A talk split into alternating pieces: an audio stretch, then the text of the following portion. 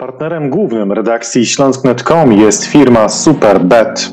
Praszelik odgrywa do Piaseckiego gol!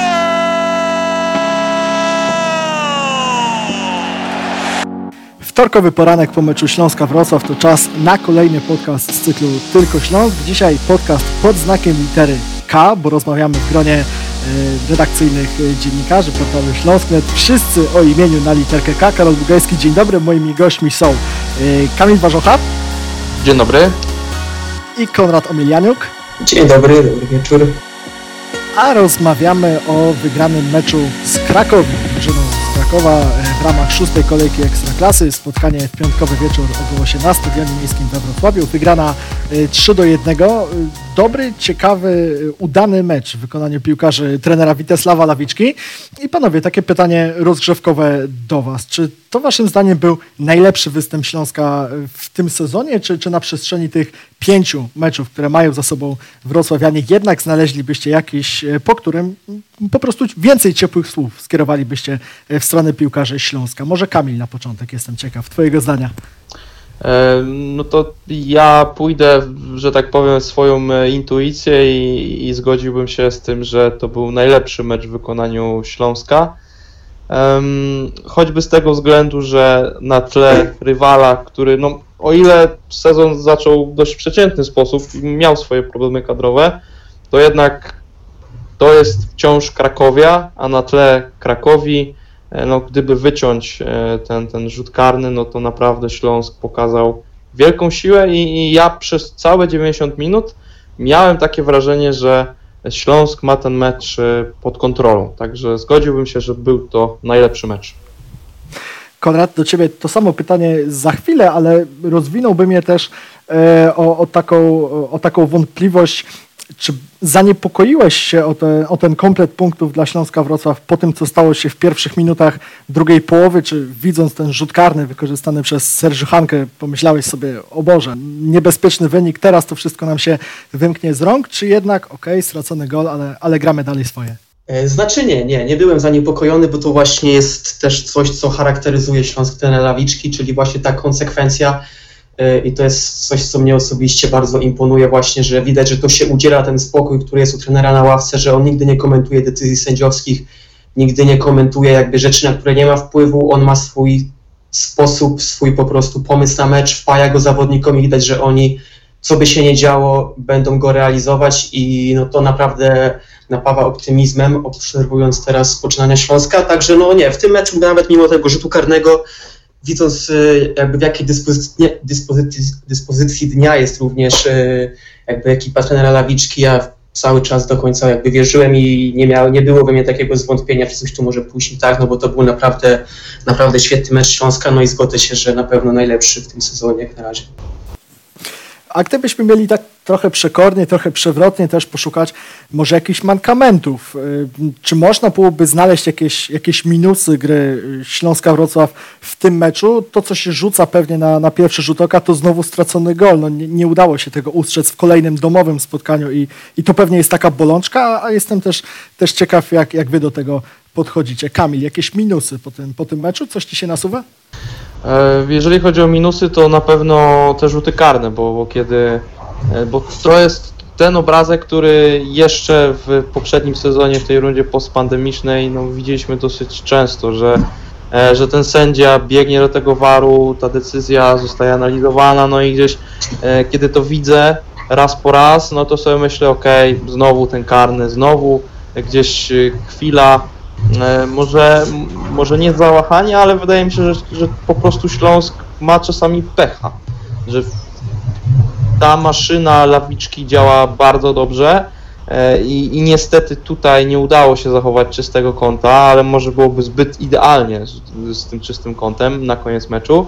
E, Dlatego powiedziałbym, że e, trudno doszukiwać się mm, słabych punktów i nawet piłkarze, o których jeszcze kilka miesięcy temu mówiliśmy, że prezentują się słabo i mam tu na przykład na myśli Lubambo Musondę, e, no to widzimy, że to są piłkarze, którzy jakąś metamorfozę przechodzą. Grają lepiej, grają mądrzej. Jeżeli chodzi o środek defensywy, no tak jak mówię, gdyby nie te rzuty karne, Oczywiście ten drugi na konto Dino Sztigleca, ale mm, no, tutaj jednak pech zadecydował troszeczkę. E, No to też myślę, że do pary tej nie można się przyczepić, e, bo też już Śląsk, jak już traci bramki, e, no to już nie traci tych bramek w taki sposób, że e, to, to o czym powtarzaliśmy w poprzednim sezonie, że często padały bramki po tych dośrodkowaniach w pole karne i gdzieś ci środkowi obrońcy albo zasypiali przy przykryciu e, napastników rywala, albo po prostu była słaba komunikacja. E, Dlatego już tak kończąc, no nie doszukiwałbym się tutaj poważnych problemów, które, które widzimy na pierwszy rzut oka.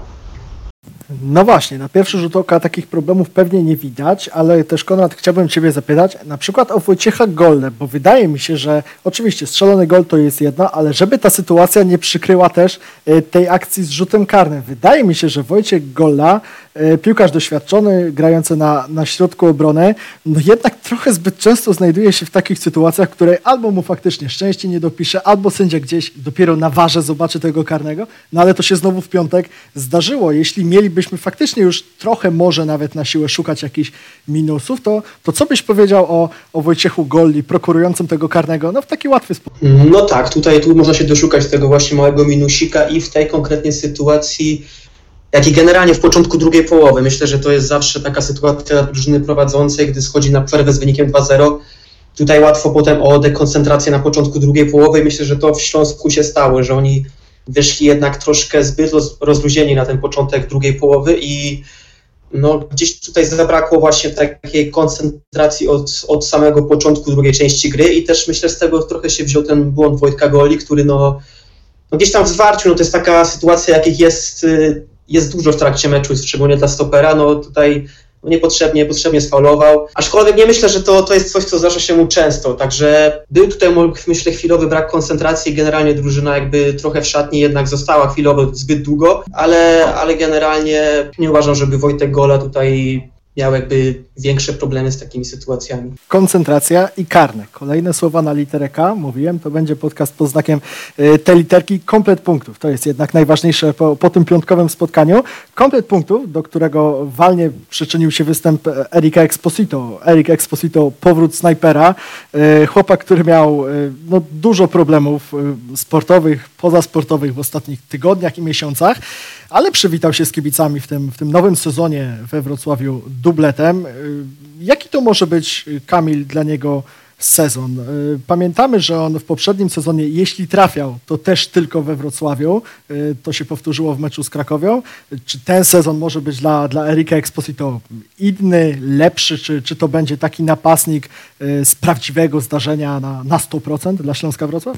Żeby to określić, to najpierw warto powiedzieć, że patrząc na to, co działo się z Hiszpanem przez ostatnie półtora, no półtora miesiąca powiedzmy, e, no to śmiało możemy powiedzieć, że napastnik Śląska wyszedł z czarnej dziury, tak? I, i nagle okazuje się, że e, mimo, że zaliczył bardzo poważny fal start y, w sezonie e, 2-20-2-1, no to ja jednak wciąż uważam, że tym nominalnym napastnikiem e, powinien i będzie e, Fabian Piasecki. I okej, e, rzeczywiście Erik e, w meczu z Krakowią zrobił fantastyczną robotę, bo oprócz bramek robił to, za co e, Lawiczka zawsze go bronił, zawsze doceniał jego ciężką pracę dla całego zespołu. To widzieliśmy. No i w końcu nadeszły bramki. Te bramki to nie były takie po prostu gole strzelone na pustą bramkę, gdzie trzeba było dołożyć nogę, tylko naprawdę trzeba było się wykazać instynktem strzeleckim, e, taką ponadprzeciętną jednak techniką strzału, bo to nie były łatwe e, sytuacje.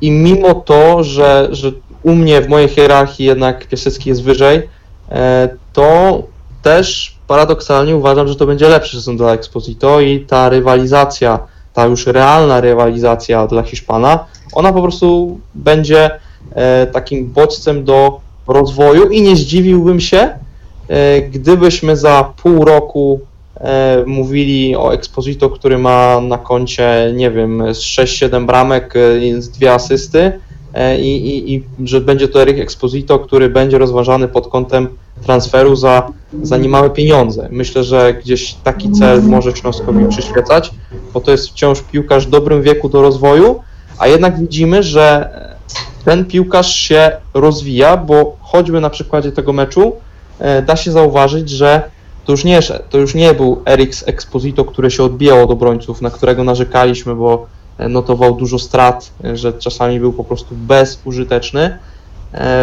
No tutaj widzieliśmy jego najlepszą odsłonę, najlepszą możliwą odsłonę, ale też nie popadałbym w jakiś chóra optymizm, bo tak jak powiedziałeś, no Erik dobre występy generalnie notuje tylko we Wrocławiu, a na wyjazdach no jest tutaj jednak nadal duży problem. No właśnie, Konrad, pytanie do Ciebie o to, co, czego można spodziewać się po, po Eriku Exposito w kontekście kolejnych tygodni czy, czy miesięcy, bo pamiętamy jeden taki jego mecz z rundy jesiennej poprzedniego sezonu z Zagłębiem Lubin, kiedy tam też się wszystko zgadzało, kiedy tam były bramki strzelane w niełatwych sytuacjach, kiedy tam była walka z obrońcami, kiedy tam była bardzo fajna praca dla drużyny. Ani wcześniej, ani później aż tak bardzo y, efektowny Eric Exposito jak w tamtych derbach nie był. Czy nie obawiasz się, że to, to będzie taki jednorazowy wyskok Erika Exposito y, tej jesieni, czy, czy spodziewasz się podobnych meczów na zasadzie takiej fali entuzjazmu po tym, co stało się w piątek z Krakowią? Na pewno trochę się obawiam, bo Elik no, dał już nam jakby powody do tych obaw swoją nierówną formą w zeszłym sezonie. No ale z drugiej strony dał, na, dał nam też powody, żeby wierzyć w niego bardziej, no bo tak jak końcówkę zeszłego sezonu miał, miał udaną, tak teraz znowu bardzo dobry mecz, także myślę, że to jest na ten moment jakby postać w składzie Śląska, która jest może nie tyle najbardziej kontrowersyjna, jest najbardziej barwna i najwięcej można o niej powiedzieć i najwięcej skrajnych opinii, bo wielu kibiców już dawno go skreśliło, wielu cały czas w niego wierzy, a dla wielu jest w ogóle świetnym napastnikiem i myślę, że no, prawda tutaj jest gdzieś po środku i cały czas e, no ten Erik też się uczy ekstraklasy. Widać, że widać, że on robi progres, że on, jeżeli chodzi właśnie o grę w kontakcie, o grę fizyczną, on jest coraz lepszy i rzeczywiście tak jak na początku trochę też z politowaniem słuchałem tych obietnic, znaczy nie tyle obietnic, co zapewnień e, dyrektora sportowego Sztylki, że on go sprzeda, on widzi w nim materiał na duży transfer. Początkowo wydawało się to no, po jego pierwszych meczach w Śląsku znaczy mało prawdopodobne, tak teraz ja teraz zaczynam to dostrzegać, że on rzeczywiście, on ma papiery nagrania, jak to się mówi, tylko musi tą formę ustabilizować, także wydaje mi się, że no, obiecujący jest to napastnik na pewno obiecujący, tylko musi tak jak i na boisku, tak i poza boiskiem musi stronić od kontrowersji, no bo też przypomnijmy sytuację sprzed sezonu, gdzie no to było coś niedopuszczalnego, by w, w takiej sytuacji, jaką teraz mamy pandemicznej, dać się gdzieś e, przyłapać e, w barze. To, też nie są rzeczy, które jakby działają na jego korzyść, ale jeżeli się od tego odetnie, skupi się na treningu, to widać, że ma umiejętności piłkarskie, żeby, żeby w tym Śląsku jeszcze zaistnieć i być tym pierwszym napastnikiem, bo też nie zgadzam się tutaj, że na ten moment Piasecki jest tym numerem jeden, jakby pierwszym wyborem. Wydaje mi się, że wyborem numer jeden trenera Lewiczki jest Erik Exposito na pozycji numer 9. I, I no tylko od niego zależy, żeby to utrzymać. Panowie, a jaka może być ta przyszłość Fabiana Piaseckiego wobec tej formy Erika Exposito to jedno, ale, ale tak generalnie również e, w kolejnych tygodniach i miesiącach, bo no takim najprostszym rozwiązaniem to, to, to jest powiedzenie, niech oni grają w duecie, niech się sprawdzą, może to trenerowi Lawiczce odpali, ale to takie proste nie jest, bo e, no, trzeba znaleźć miejsce dla nich e, w składzie, a to jest konkretna konstrukcja ofensywy Śląska-Wrocław. Musi być para skrzydłowych, są Pich i Musonda, musi być E, młodzieżowiec, to, to nie jest takie łatwe umieszczenie w składzie tego drugiego napastnika. Kamil, czy ty spodziewałbyś się, że to raczej będzie gra raz Exposito, raz Piasecki e, i nie będzie eksperymentów na, na zasadzie dwójki napastników, również ze względu na to, e, co tutaj podniosłem?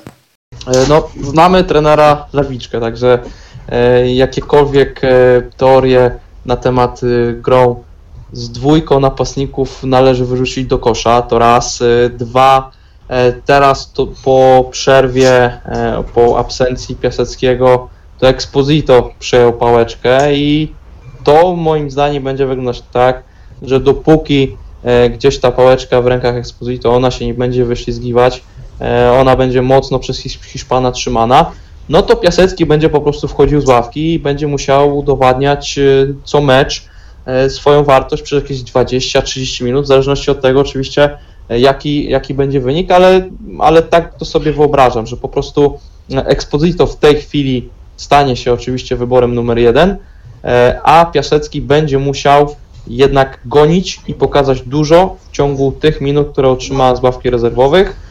E, No i można powiedzieć, że no, mm, będzie miał pecha, e, dużo stracił przez tę absencję, bo jednak Lewiczka jest trenerem konserwatywnym, ma gdzieś pewną swoją hierarchię i tak jak mogliśmy powiedzieć, że Piasecki, myślę, że do tej pory, gdyby nie ta absencja, do tej pory grałby w pierwszym składzie, e, no to niestety teraz karty się odwróciły i Polak no, musi tutaj walczyć z Hiszpanem, tylko że, tak jak powiedziałem, z ławki rezerwowych. Kolejnym piłkarzem, przy którym na pewno warto się zatrzymać po tym meczu przeciwko Krakowi jest Marcel Cylla, zawodnik, który zanotował debiut w barwach Śląska Wrocław i debiut, y, Konrad, wydaje mi się bardzo udany. Można powiedzieć, że to był taki piłkarz, który zaprezentował dojrzałą grę, bardzo odważne wejście do, do ekipy trenera Lawiczki. Momentami można było aż zapomnieć, że to jest młodzieżowiec. On ma takie umiejętności, które zdecydowanie predestynują go do gry w wyjściowej 11. Nie tylko dlatego, że ma tę literkę e, M przy nazwisku. Trzy sytuacje, ale tylko, tylko jeden celny strzał. Tak naprawdę poza skutecznością to, to daj Panie Boże zdrowie. Tam się wszystko zgadzało i, i fajnie, że taki piłkarz trafił do Śląska. E, No zgodzę się, na pewno był to bardzo dobry debiut w wykonaniu Marcela. E, Mnóstwo, mnóstwo dobrych zagrań, bardzo aktywny zawodnik. Bardzo podobały mi się te jego e, podłączenia właśnie z drugiej linii do, do linii ataku, gdzie często siał popłoch tymi wejściami.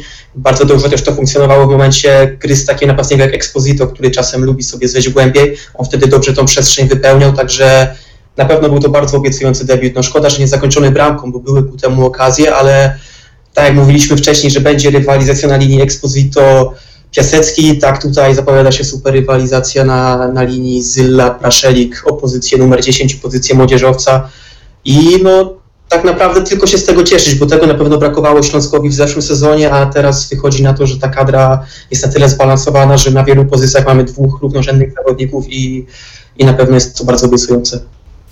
No właśnie, bo w poprzednim sezonie był Przemysław Pocheta i, i można powiedzieć długo, długo nic, jeśli chodzi o, o obsadę pozycji młodzieżowca, a teraz jest Cylla, jest też w odwodzie e, Mateusz Praszelik, który, który na razie nie jest do dyspozycji trenera Witesława Lawiczki, a kiedy będzie, Kamil, to jak sądzisz, czy Śląsk nagle, m, używam tego słowa właśnie w, e, we wspomnieniu tego poprzedniego sezonu, nagle będzie miał do dyspozycji dwóch młodzieżowców i będzie stawiał na, na dwóch młodzieżowców? Oczywiście pozycja jest podobna teoretycznie, ale Praszelik może też grać na skrzydle. Spodziewałbyś się takiego rozwiązania trenera Lawiczki? Nie spodziewałbym się. Nie spodziewałbym się i, i jeżeli miałbym wybrać jakiś realny wariant, który, który, rzeczywiście się sprawdzi, to e, ta rywalizacja na, w obrębie jednej pozycji, dziesiątki i chciałbym tutaj zaznaczyć, że jeżeli patrzy się na grę Marcela Zylli, oczywiście to był dobry debiut, e, ale też to nie był debiut e, bez wad. E, warto zaznaczyć jedną rzecz, że Mateusz Praszelika, Marcel Zyla to są dwie zupełnie inne dziesiątki o innej charakterystyce. Marcel Zyla no, momentami przypomina mi bardziej piłkarza, który, któremu bliżej charakterystyką do, y, do zawodnika o, y, o numerze 9,5, że, że jednak to jest piłkarz, który jest bardziej, częściej w polu karnym, e, że czeka na te piłki i u niego jest bardziej nastawienie na gola, natomiast u Mateusza Praszylika e, dribbling plus jednak asysta, że to, są, że to jest bardziej taka e, typowa, dynamiczna dziesiątka, która też schodzi trochę głębiej. Oczywiście obaj młodzieżowcy mają naprawdę super technikę użytkową, to widać na pierwszy rzut oka, e, ale też nie wyobrażam sobie takiego wariantu, że e, Zyla i, i Praszelik będą występować razem. No pamiętajmy, że e, jedna pozycja na skrzydle jest no jednak obstawiona, jakby zacementowana i mówię tutaj o Robercie Pichu, Natomiast druga, no na drugiej mamy przecież w dobrej formie Lubambo Musondę, no i też Pawłowskiego, który e, jeśli wróci, no to to nie jest piłkarz, który był nom- nominalnie sprowadzany na ławkę rezerwowych, to, to jest raczej piłkarz, który będzie przygotowywany do gry w pierwszym składzie. Em, także to jest super, bo oczywiście na pewno będą pojawiać się mecze, w których obaj młodzieżowcy zagrają razem, ale jednak wydaje mi się, że takim pierwszym zamysłem trenera Lwiczki będzie wykorzystywanie albo jednego, albo drugiego. Konrad, e, jeśli ty miałbyś ocenić tych, tych dwóch piłkarzy, Praszelika po dwóch spotkaniach e, i, i Marcela Cylle po tym debiucie. Bardzo mały materiał do analizy na razie, ale, ale kto Ci bardziej się e, spodobał, kto bardziej wpadł w oko? Znaczy, też myślę, że tutaj Kamil zwrócił uwagę na, na ważną kwestię, że Zylla jest takim bardziej ofensywnym z tej dwójki zawodnikiem, że bliżej mu nawet gdzieś do napastnika. I też na pewno taka charakterystyka spowodowała, że on miał idealne, jakby wymarzone warunki do debiutu, bo spójrzmy z kim on grał w tym środku pola. On miał za sobą Sobotę i Mączyńskiego, czyli no dwóch wyjadaczy, ludzi, którzy razem mają 49 występów w kadrze, to sobie sprawdziłem. No, także jak masz za plecami takich ludzi, wychodzisz na swój debiut, to możesz po prostu skupić się, puścić wodze fantazji, skupić się tej ofensywie i wiesz, że z tyłu będzie połapane. Dlatego no, tu miał, miał idealne warunki. Ciekawy jestem, jak sobie właśnie poradzi w meczu, gdzie tam będzie trzeba jednak zejść niżej, albo będzie grał w innym ustawieniu, gdzie będzie trzeba więcej popracować. I myślę, że w takich spotkaniach lepszym wyborem będzie Praszelik. Aczkolwiek no też tego nie, nie mogę na razie powiedzieć, nie jestem pewien, bo nie widziałem Zyli w takim, w takim meczu. No tutaj to się okaże. Na razie pokazał nam się z dobrej strony, jeśli chodzi o ofensywę, ale myślę, że porównując ich dwóch, to Praszelik jest takim bardziej, bardziej gościem, który w tym środku może zagrać zarówno na dziesiątce, jak i myślę na ósemce by się sprawdził. A Zylla jednak tak na wskroś ofensywnie. Aczkolwiek sprawdziłem też statystyki, no to on był zawodnikiem, przebiegł najwięcej w tym spotkaniu, także widać, że to nie jest tak, że on tylko zarzuci kotwicę z przodu i tam czeka, tylko no, pracuje dla całej drużyny. Więc no, komu by nie przyszło też w tej dziesiątce, dopóki Mączyński i Sobota będą zdrowi, będą w formie, to naprawdę nic tylko korzystać i zazdrościć tym chłopakom, że mają, że ten młody chłopak wchodzący na pozycję numer 10 po prostu ma tam się od kogo uczyć i ma idealne warunki, żeby, żeby grać. Powrót kapitana Krzysztofa Mączyńskiego, kajak kapitan. E, to też jest wydarzenie tego, tego piątkowego meczu, e, bo zastanawialiśmy się, jak będzie wyglądało życie Waldemara Soboty przy Krzysztofie Mączyńskim. Do tej pory nie było jeszcze okazji e, sprawdzić tego, boju, tego w boju Kamil, natomiast teraz wydaje się, że to życie Waldemara Soboty przy Krzysztofie Mączyńskim jest całkiem niezłe. On może lepiej funkcjonować, bo właśnie to, o czym też mówił Konrad w innym kontekście, ale, ale to się też odnosi do, do sytuacji w środku pola. Krzysztof Mączyński daje Sobocie poczucie takiego spokoju, bezpieczeństwa, coś takiego, że on ma za plecami człowieka, który kieruje grą, a wtedy Sobota trochę bardziej może myśleć o, o atakowaniu, o, o ofensywie i kilka razy takie wypady ofensywne y, Soboty w piątek, y, nomen omen, dały Śląskowi jakość. Takie efekty było już widać, choćby przy bramce Erika Exposito na 3 do 1. Także to życie jest, jest coraz ciekawsze. No powiedziałbym, że to życie nabrało większego kolorytu, bo nagle po tym meczu, no oczywiście to jest tylko 90 minut, ale mm, w ciągu nawet jednego spotkania możemy zauważyć prostą zależność, że na boisku w środku pola no, spotkali się ze sobą dwaj piłkarze o myślę naprawdę świetnych profilach, jeśli chodzi o konkretne pozycje, czyli numer 6 e, Krzysztof Mączyński, no i numer 8 Waldemar Sobota, tylko że co mnie troszkę zaskoczyło i, i co dopiero zobaczyłem e, w statystykach, to że jednak e, mimo, że ten Mączyński był na boisku i że to on jednak pełnił defensywną rolę, to on zostawał, kiedy, tak jak powiedziałeś, Sobota robił zakusy ofensywne, że jednak Sobota, mimo że był, on był tak naprawdę y, trzema piłkarzami w jednym, tak? Był, był kreatorem gry, E, miał, miał e, więcej odbiorów od Mączyńskiego. E, no i tak naprawdę niektóre akcje, jego niektóre akcje przypominały akcje w, jakby z jego ostatniego sezonu w Śląsku, tak? a coś ala skrzydłowy, bo jednak widzimy, że kiedy Sobota ma taką możliwość, wie, że ktoś przestrzeń za nim zasekuruje, to widać, jaką on nadal ma szybkość, jaką, jak on szybkość mogę, może wykorzystać w takiej sytuacji w środku pola. I ja oczywiście nie chcę tutaj e, takim porównaniem e, przesadzić, jakby, bo chodzi tylko o pewne podobieństwa, zachowując proporcje.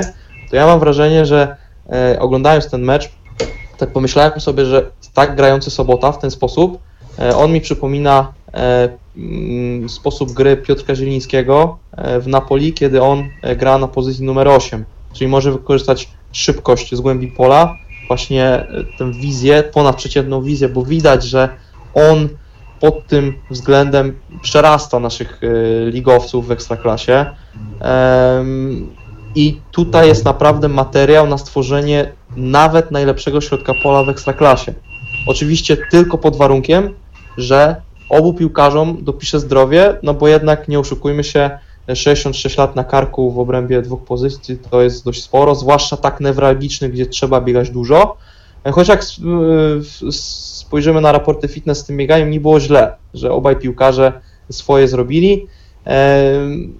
No i jeszcze tylko powtórzę na koniec, że e, z tego naprawdę można ulepić świetny środek pola, bo tutaj mówimy o doświadczeniu tym reprezentacyjnym, ale też o dużych umiejętnościach. No i to, co sobota daje, e, to właśnie ten taki błysk magii i szybkości, którego myślę, że e, w środku pola w Śląsku no, nie było dość dawno. No, no ja nie przypominam sobie takiego piłkarza, który, który robiłby właśnie coś takiego, no bo no, Michał Chrapek to nie był taki piłkarz na pozycji numer 8, który dawał to, co teraz daje Sobota.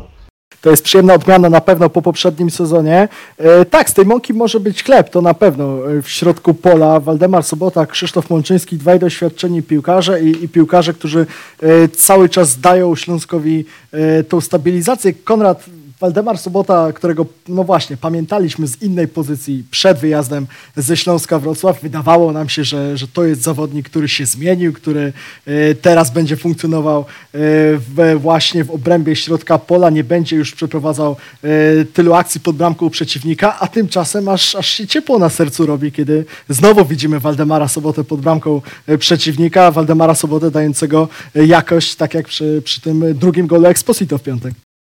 E, no tak, no i myślę, że tak jak powiedziałeś, przy powrocie Krzysztofa Mączyńskiego będziemy widzieli tego tylko więcej, no bo Krzysztof Mączyński to jest taki zawodnik, tutaj choćby można przypomnieć kadrę Nawałki, w której on był, on był bardzo ważnym ogniwem, wielu zastanawiało się dlaczego, ale spójrzmy jak przy nim wyglądał choćby Grzegorz Krychowiak, myślę, że to była, to była wtedy czołowa postać tej kadry, ale duża była w tym zasługa Mączyńskiego, gdzie oni gdzieś tam się razem docierali i myślę, że na tej samej zasadzie Sobota może przy Mączyńskim również pokazać pełnię swojego potencjału, a wiemy, że, że ma niemały ten potencjał i zarówno w pojedynkach jeden na jeden, jak i w rozegraniu. No tak jak tutaj Kamil powiedział, wizją gry na ten moment widać, że przerasta tą ligę, jeszcze czasem trochę brakuje mu dokładności, bo tych, jeżeli spojrzymy w statystyki, to tych strat jednak na mecz też trochę ma niedokładnych podań. To nie jest tak, że to jest zawodnik oczywiście perfekcyjny, żebyśmy tutaj się teraz nie rozpłynęli w zachwycie, bo, no bo też ten Sobota wydaje mi się, że wciąż może dać więcej i tutaj upatruję szansy właśnie w powrocie Krzysztofa Mączyńskiego, no i ten środek naprawdę wygląda obiecująco. Także no, Waldek Sobota na pewno miło, miło się patrzy na jego grę, szczególnie no, ten poprzedni mecz był chyba jego najlepszym od, od, od powrotu do Śląska i no oby tak dalej.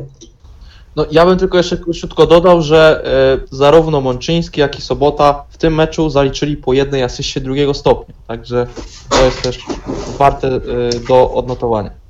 Tak, to też o czym świadczy i to też świadczy o postawie tych naszych y, środkowych pomocników. Szukamy bohatera tego meczu, zastanawiamy się, kto podczas tego udanego piątkowego wieczoru zrobił na nas największe wrażenie. To ja do naszej dyskusji wrzucę jeszcze jedno nazwisko. Nazwisko bramkarza, Matusz Putnocki. Może to jest właśnie ten największy bohater, który uratował nas w kluczowym momencie, momencie nieoczywistym, momencie, który ostatecznie żadnym nieszczęściem się nie skończył, no bo właśnie, bo Matusz Putnocki obronił rzut karny z. Nie było 3 do 2 w 85 minucie, było cały czas 3 do 1 i takim wynikiem ten mecz się zakończył. Y, Konrad, gdybyś miał wskazać najlepszego piłkarza Śląska, y, wskazać tą swoją gwiazdkę po spotkaniu z Krakowią, y, czy przy nazwisku Matusza Putnockiego ona by się pojawiła? Czy on odegrał najważniejszą rolę w decydującym momencie tego meczu? Znaczy, no, wybór jest trudny po takim meczu, żeby wskazać tego jednego, ale no, na pewno była to interwencja kluczowa dla losów spotkania. Tym bardziej, że Krakowia już w tym sezonie bodajże dwukrotnie odrabiała straty w, gdzieś w doliczonym czasie gry, więc myślę, że gdyby na to 3-2 udało im się strzelić, to ta końcówka byłaby mocno nerwowa. Także no tutaj, tutaj Putnocki na pewno uratował i drużynę, i nerwy wielu kibiców, bo ta końcówka myślę, że byłaby wtedy bardzo napięta. Także no, ale czy najlepszy na boisku? No tutaj można by się kłócić, no bo wielu było. Był to generalnie dobry mecz Śląska, także tutaj wstrzymałbym się może od określania tutaj jed, jakby jednego bohatera, ale na pewno ta, ta interwencja Płótnockiego no była kluczowa dla tego spotkania i super, że udało mu się obronić karnego właśnie w takim momencie. Matusz Putnocki, krótko po transferze do Ekstraklasy na początku 2015 roku, już teraz mało kto o tym pamięta, ale on się dał właśnie poznać jako specjalista od bronienia rzutów karnych. W ciągu trzech miesięcy w barwach ruchu Chorzów trzykrotnie e, obronił uderzenia z 11 metrów. W Śląsku do tej pory zdarzyło mu się to raz w meczu z Arką w Gdyni. Pamiętacie może to uderzenie Marko Wejnowicza e, z meczu 29 kolejki, ale Marko Wejnowicz dobił ten swój strzał. Śląsk przegrał spotkanie z Arką 1 do 2 i to była bardzo bolesna strata punktów. Teraz Kamil, taki rzut karny, obroniony, który naprawdę ma znaczenie. Drugi raz ten sam piłkarz podszedł do, do jedenastki w tym meczu, Sergiu Hanka. Hanka nie zmienił rogu, zmienił róg Matusz Putnocki. No i świetnie wyczuł jego, jego intencje. Fantastyczna parada naszego golkipera. E, tak, fantastyczna parada, która no, utrzymała spokój w tym meczu. E, no bo gdyby było, był wynik 3 e, do 2, no to no, nie oszukujmy się, mogłoby się dziać bardzo wiele.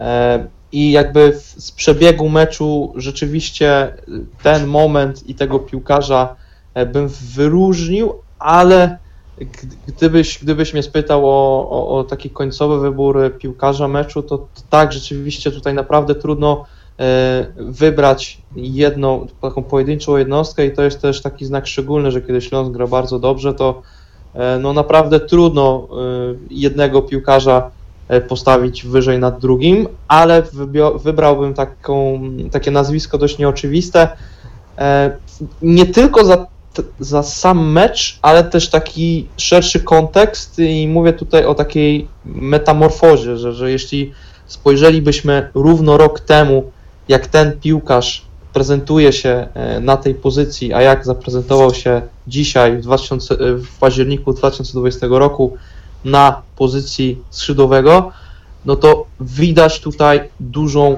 pracę, nie tylko nad takim spokojem e, na boisku, ale też taką inteligencją boiskową, tak pod względem podejmowanych decyzji. I chodzi mi oczywiście o Lubambo Musondę, który no, wystarczy zobaczyć e, przy tej trzeciej bramce do Śląska, ale też wcześniej, w pierwszej połowie, kiedy Musonda mógł asystować przecież, przy bramce Zyli, tylko wtedy Zyla no, miał stuprocentową sytuację, ale strzelił e, w Niemczyckiego, wprost w Niemczyckiego. Także Musonda mógł skończyć ten mecz z dwoma, jak nie trzema asystami tak naprawdę. I to, co widać doskonale, to fakt, że on naprawdę popracował nad tymi dośrodkowaniami i też co ważne, on zaczynał, zaczyna, już jakby zaczął, a dzisiaj, w, znaczy w meczu z Krakowią widzieliśmy tego owoce, że on wykorzystuje swoją szybkość w sposób bardzo mądry.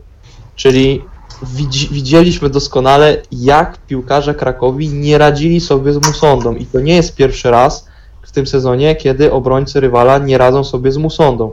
Także jeżeli Pawłowski no, będzie chciał rywalizować o tę pozycję e, skrzydłowego, no to wcale nie będzie tak łatwo. Po prostu Zambijczyk urósł jako piłkarz. I dlatego też za, za taki dodatkowy kontekst jego bym wyróżnił. Jestem też ciekaw zdania Konrada na temat Lubambo Musondy. Cieszę się, Kamil, że o nim wspomniałeś, bo to jest taki piłkarz, można powiedzieć, dyżurny kandydat do zbierania słabych czy przeciętnych not po każdym spotkaniu Śląska-Wrocław, a właśnie w ostatnich tygodniach to jest zawodnik, który, który odżył, który wyraźnie został dla Śląska odzyskany. Pamiętamy sytuację z meczu z Lechem Poznań, starcie z Tymoteuszem Puchaczem, młodą gwiazdą Lecha Poznań, piłkarzem, który ma zrobić wielką karierę i, i życzymy mu tego, natomiast ten nasz Lubambo Musonda wywalczył rzut rzut karny zupełnie oszukał Tymoteusza Puchacza i, e, i zaskoczył e, zawodnika e, kolejorza. Konrad, jak sądzisz, czy, czy Lubambo Musonda jest takim piłkarzem, przed którym teraz sezon, no nie chcę powiedzieć łatwiejszy, ale sezon, w którym na swojej naturalnej pozycji, bo o tym też musimy pamiętać, że on wrócił z tej eksperymentalnej pozycji na, na boku obrony na pozycję skrzydłowego, kiedy on będzie zbierał lepsze recenzje? E, no, na pewno poprzedni sezon Musonta w poprzednim sezonie no, był piłkarzem irytującym momentami i tutaj ja też osobiście no, wiele razy widząc te jego wrzutki, no może nie tyle łapałem się za głowę, no ale było to, było to frustrujące, bo widać było, że ten zawodnik chce, że się stara, że jest w nim ambicji, którą mógłby obdzielić trzech zawodników z kadry tam Śląska parę lat temu, gdy ona wyglądała tak, jak wyglądała. Ale no jednak no były te sytuacje, gdzie on dobiegał do tej linii końcowej, wrzucał, kibice wstawali, ale już po którymś razie widząc, że to jest Musonda, ci kibice nawet się nie podnosili, bo wiedzieli, że ta wrzutka to będzie pierwszy obrońca i przerwanie. Ale to był zeszły sezon i widać, że, że on nad tym popracował i przyszedł teraz sezon tutaj 2020-2021 i Musonda jak na razie jest, myślę, że jedną z najjaśniejszych, jeżeli nie najjaśniejszą postacią ofensywy Śląska. W każdym meczu no, robi ten przysłowiowy wiatr, biega dużo, jest na nim, jest chyba zawodnikiem najczęściej faulowanym na ten moment w Śląsku Wrocław. Trzeba by wyciągnąć statystyki, ale myślę, że, że to byłby właśnie Musonda, jeżeli chodzi o liczbę fauli na zawodnika Śląska. No i teraz doszły do tego właśnie, czy to asysty, czy te kluczowe zagrania, także no urósł, na pewno urósł nam ten Musonda tutaj i, i mogę powiedzieć to, co mówiłem przy Exposito, także to, że Sztylka dyrektor sportowy tutaj mówił, że, że to jest zawodnik, który też widzi w nim potencjał transfer. Mówił to o Exposito i o Musondzie, co na początku tutaj wielu się pukało w głowę, jakby zaczęło na początku, no a teraz jeden i drugi rzeczywiście takie nadzieje rokują. Musonda tym bardziej teraz już dostał powołanie do kadry narodowej Zambii, to też zawsze działa na plus gdzieś tam na rynku transferowym i to, że zawodnik jest powoływany, także no ma na pewno teraz swoje 5 minut i i oby to nie było tylko 5 minut, ale no w tej, defens- w tej ofensywie cały czas błyszczał tak, jak błyszczy teraz. No bo on na pewno, no zgodzę się, że był może nie zawodnikiem meczu, ale był na pewno jedną z najjaśniejszych postaci tego, tego sobotniego spotkania z Krakowem. Panowie, druga w sezonie przerwa na mecze reprezentacji. Jesteśmy po sześciu kolejkach. Wiemy, że ten sezon wygląda zupełnie inaczej niż poprzednie. Jesienią 14 kolejek, nie ma rundy finałowej.